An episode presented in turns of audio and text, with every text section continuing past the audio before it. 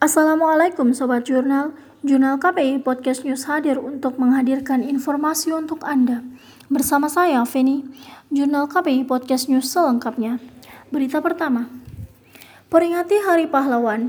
Veteran berbagi semangat patriotisme kepada siswa SMA Untak Surabaya. Momen Hari Pahlawan, tiga veteran purnawirawan TNI Angkatan Darat, TNI Angkatan Laut, dan BRIMOB berbagi semangat patriotisme kepada siswa-siswi SMA 17 Agustus 1945 Surabaya, Sabtu 9 November 2019. Kompol Minto Wahono mengatakan, kesempatan memberi wajangan ini sudah menjadi tanggung jawab dan tugas para veteran. Ia berharap anak-anak muda saat ini dapat merajut rasa kepedulian menjaga negara Republik Indonesia. Sementara itu, Ketua Ikatan Wanita Perguruan 17 Agustus 1945 Surabaya, Nunik Silalahi mengatakan, peringatan Hari Pahlawan ini sebagai rasa terima kasih kepada para pejuang Indonesia. Anak-anak antusias mendengar pesan-pesan moral dari pejuang veteran yang berisi nilai-nilai patriotisme. Kepala Sekolah Sematak Prehantoro mengatakan, pihaknya telah menerapkan pendidikan karakter dan budi pekerti luhur di lingkungan sekolah. Berita selanjutnya, anak berkebutuhan khusus se-Jawa Timur unjuk bakat di ajang kreativitas Fakultas Psikologi UNER. Puluhan anak berkebutuhan khusus se-Jawa Timur tampil unjuk bakat skill dan kreativitas di ajang Fakultas Psikologi UNER Surabaya Mencari Bakat 2019. Sebanyak 103 pendaftar dari TK hingga SMA yang kemudian disaring melalui proses registrasi, proses audisi hingga mendapatkan 16 anak untuk dijaring grand final. Peserta menampilkan bakat terbaiknya seperti menyanyi, menari, gambar imajinatif, musikalisasi, dan puisi. Kompetisi ini dijelaskan Rajif untuk mengembangkan kepercayaan diri, kematangan psikologis, kemandirian, hingga kreativitas peserta. Seorang siswa ABK Nuria Nur Hidayati tampil mengisahkan cerita Cindelaras se sebuah dongeng asal Jawa Timur. Penghayatan storytelling yang diperankan Nuria membius para peserta lain yang terlihat antusias mendengarkan kisah tersebut. Berita selanjutnya. Pemkot Surabaya bakal tingkatkan kesempatan beasiswa pendidikan hingga perguruan tinggi Pemkot Surabaya akan meningkatkan beasiswa bagi pelajar hingga tingkat perguruan tinggi. Hal itu diungkapkan oleh Wakil Wali Kota Surabaya Wisnu Sakti Buwana. Menurut Wisnu Sakti Buwana, pemerintah Kota Surabaya bakal terus meningkatkan beasiswa untuk pendidikan hingga tingkat perguruan tinggi. Wisnu Sakti Buwana mengatakan, biaya gratis hingga SMP ditambah dengan beasiswa bagi pelajar kurang mampu di tingkat SMA dan akan ada kesempatan beasiswa di tingkat perguruan tinggi. Di RAPBD Surabaya 2020 yang bakal disahkan, sektor pendidikan mendapat porsi hingga 20%. Selain itu, Wisnu Sakti Buwana juga mengatakan, kesempatan kerja dan pelatihan entrepreneur akan semakin dikembangkan. Hujan es disertai angin kencang terjang Bojonegoro, pohon bertumbangan dan rusak fasilitas umum. Angin kencang membuat sejumlah pohon tumbang dan bangunan rusak. Pohon bertumbangan di beberapa jalan protokol, antara lain Jalan Ahmad Yani, Jalan Gajah Mada, Jalan Diponegoro, Jalan Veteran, dan Jalan Raja Kwesi. Sekretaris BPBD Kabupaten Bojonegoro, Nadif Ulfa mengatakan, data yang masuk ada kurang lebih 10 pohon yang tumbang. BPBD menerjunkan seluruh personel TRC dan Dalops untuk melakukan penanganan pohon tumbang. Nadif Ulfia menjelaskan, kejadian lain di antaranya kerusakan fasilitas umum seperti PLN dan bangunan lainnya yang tertimpa pohon, yang diakibatkan angin kencang disertai hujan.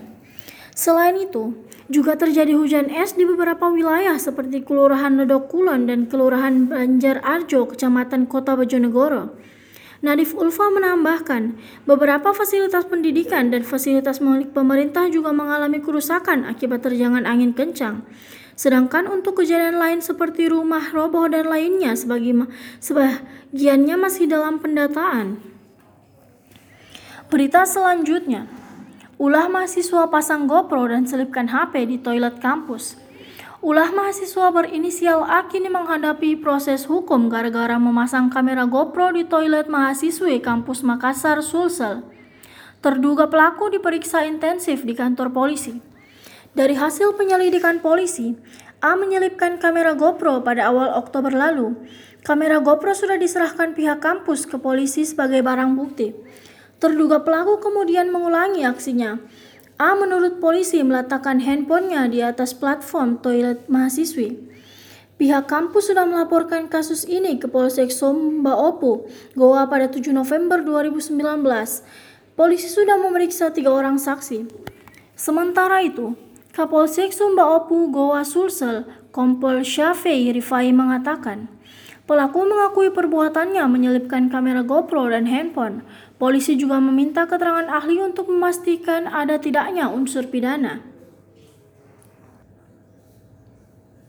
Berita selanjutnya, gudang kayu sebelahan pabrik milik Jokowi terbakar, kerugian 25 miliar rupiah. Kebakaran melanda pabrik milik CV Nuansa Kayu di Kompleks Industri Desa Sambirembe, Kalim Jambe, Sragen. Tidak ada korban jiwa dalam kebakaran ini, namun kerugian ditaksir mencapai 25 miliar. Kebakaran diketahui pukul 01 waktu Indonesia Barat. Api pertama kali dilihat oleh Joko Sulistyo, 45 tahun, Satpam PT Rakabu Sejahtera. Pabrik kayu milik Presiden Jokowi yang letaknya tak begitu jauh dari sumber api. Banyaknya material mudah terbakar membuat api dengan cepat membesar. Tak kurang dari 8 unit pemadam kebakaran dari wilayah Solo Raya dikerahkan untuk memadamkan api. Api baru bisa dijenakkan setelah petugas berjibaku selama 4 jam. Terpisah, Kasubag Humas Polres Ragen AKP Agus Jumandi mengungkapkan, Api meludeskan seluruh isi gudang, namun petugas berhasil mencegah kebakaran merembet ke tempat lain, mengingat wilayah tersebut merupakan kompleks industri. Agus melanjutkan, belum diketahui pasti penyebab kebakaran, namun perkiraan sementara kebakaran terjadi akibat hubungan pendek arus listrik. Berita terakhir.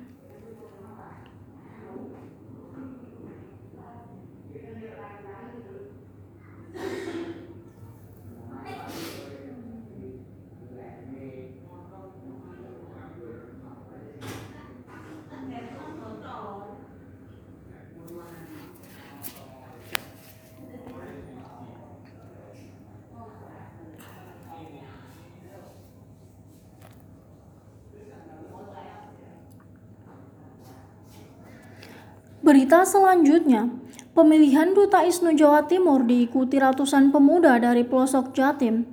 Untuk mengkampanyekan Islam yang cinta damai dan rahmatan lil alamin, Ikatan Sarjana Nahdlatul Ulama ISNU Jawa Timur menggelar pemilihan Duta ISNU Jawa Timur. Wali Kota ISNU Jawa Timur yang juga sekaligus Ketua Panitia Pelaksana Pemilihan Duta ISNU Jawa Timur, Kiai Haji Zahrul Azhar atau Gus Hans mengungkapkan ajang tersebut diadakan untuk mengenalkan ISNU, Nahdlatul Ulama serta Islam yang damai kepada masyarakat dan generasi muda. Gus Hans mengungkapkan, para peserta berasal dari berbagai kabupaten atau kota di Jawa Timur dan bahkan ada peserta dari luar Jawa. Pengasuh pondok pesantren Queen Darul Ulum Jombang tersebut melanjutkan selama karantina. Peserta menjalankan seleksi wawancara di hadapan para juri dari pengurus ISNU Jawa Timur. Dalam karantina tersebut, para peserta juga mendapatkan pembekalan dari para pakar, mulai pendalaman materi tentang aswaja, ahlus sunnah wal jamaah yang akan dipandu oleh Ahmad Syauki MHUM MSI, kemudian materi public speaking dari Profesor Dr. Rahma Ida, guru besar UNER. Untuk materi motivasi diberikan sendiri oleh Gus Hans. Selain itu juga ada materi tentang catwalk dan pemotretan. Pencarian Duta ISNU Jatim ini merupakan yang pertama kalinya diselenggarakan oleh ISNU Jawa Timur. Setelah seleksi menjadi 20 besar, 10 putra dan 10 putri, para peserta nantinya akan tampil pada grand final yang diadakan di Grand City Mall pada 16 November 2019.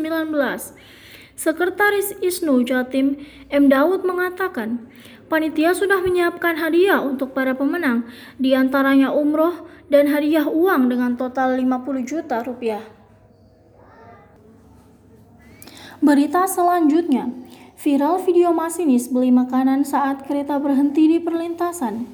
Sebuah lokomotif yang berhenti di tengah jalan terekam dalam video yang diunggah oleh akun @chamberafli melalui media sosial Twitter pada Kamis 7 November 2019.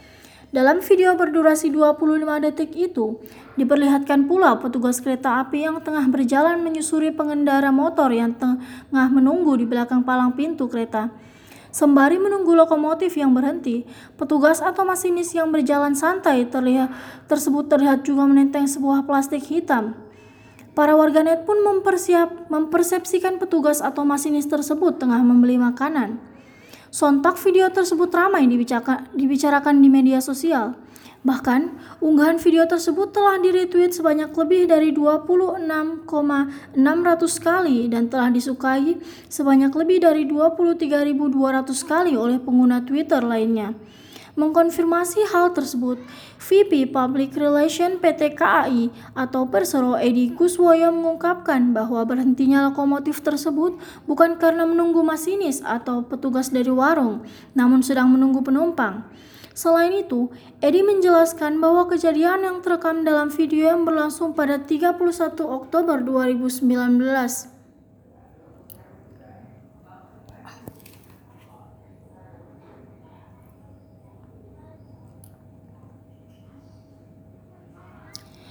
Itulah beberapa berita dalam sepekan yang bisa saya sampaikan. Saya, Feni, beserta kru yang bertugas pamit undur diri. Wassalamualaikum.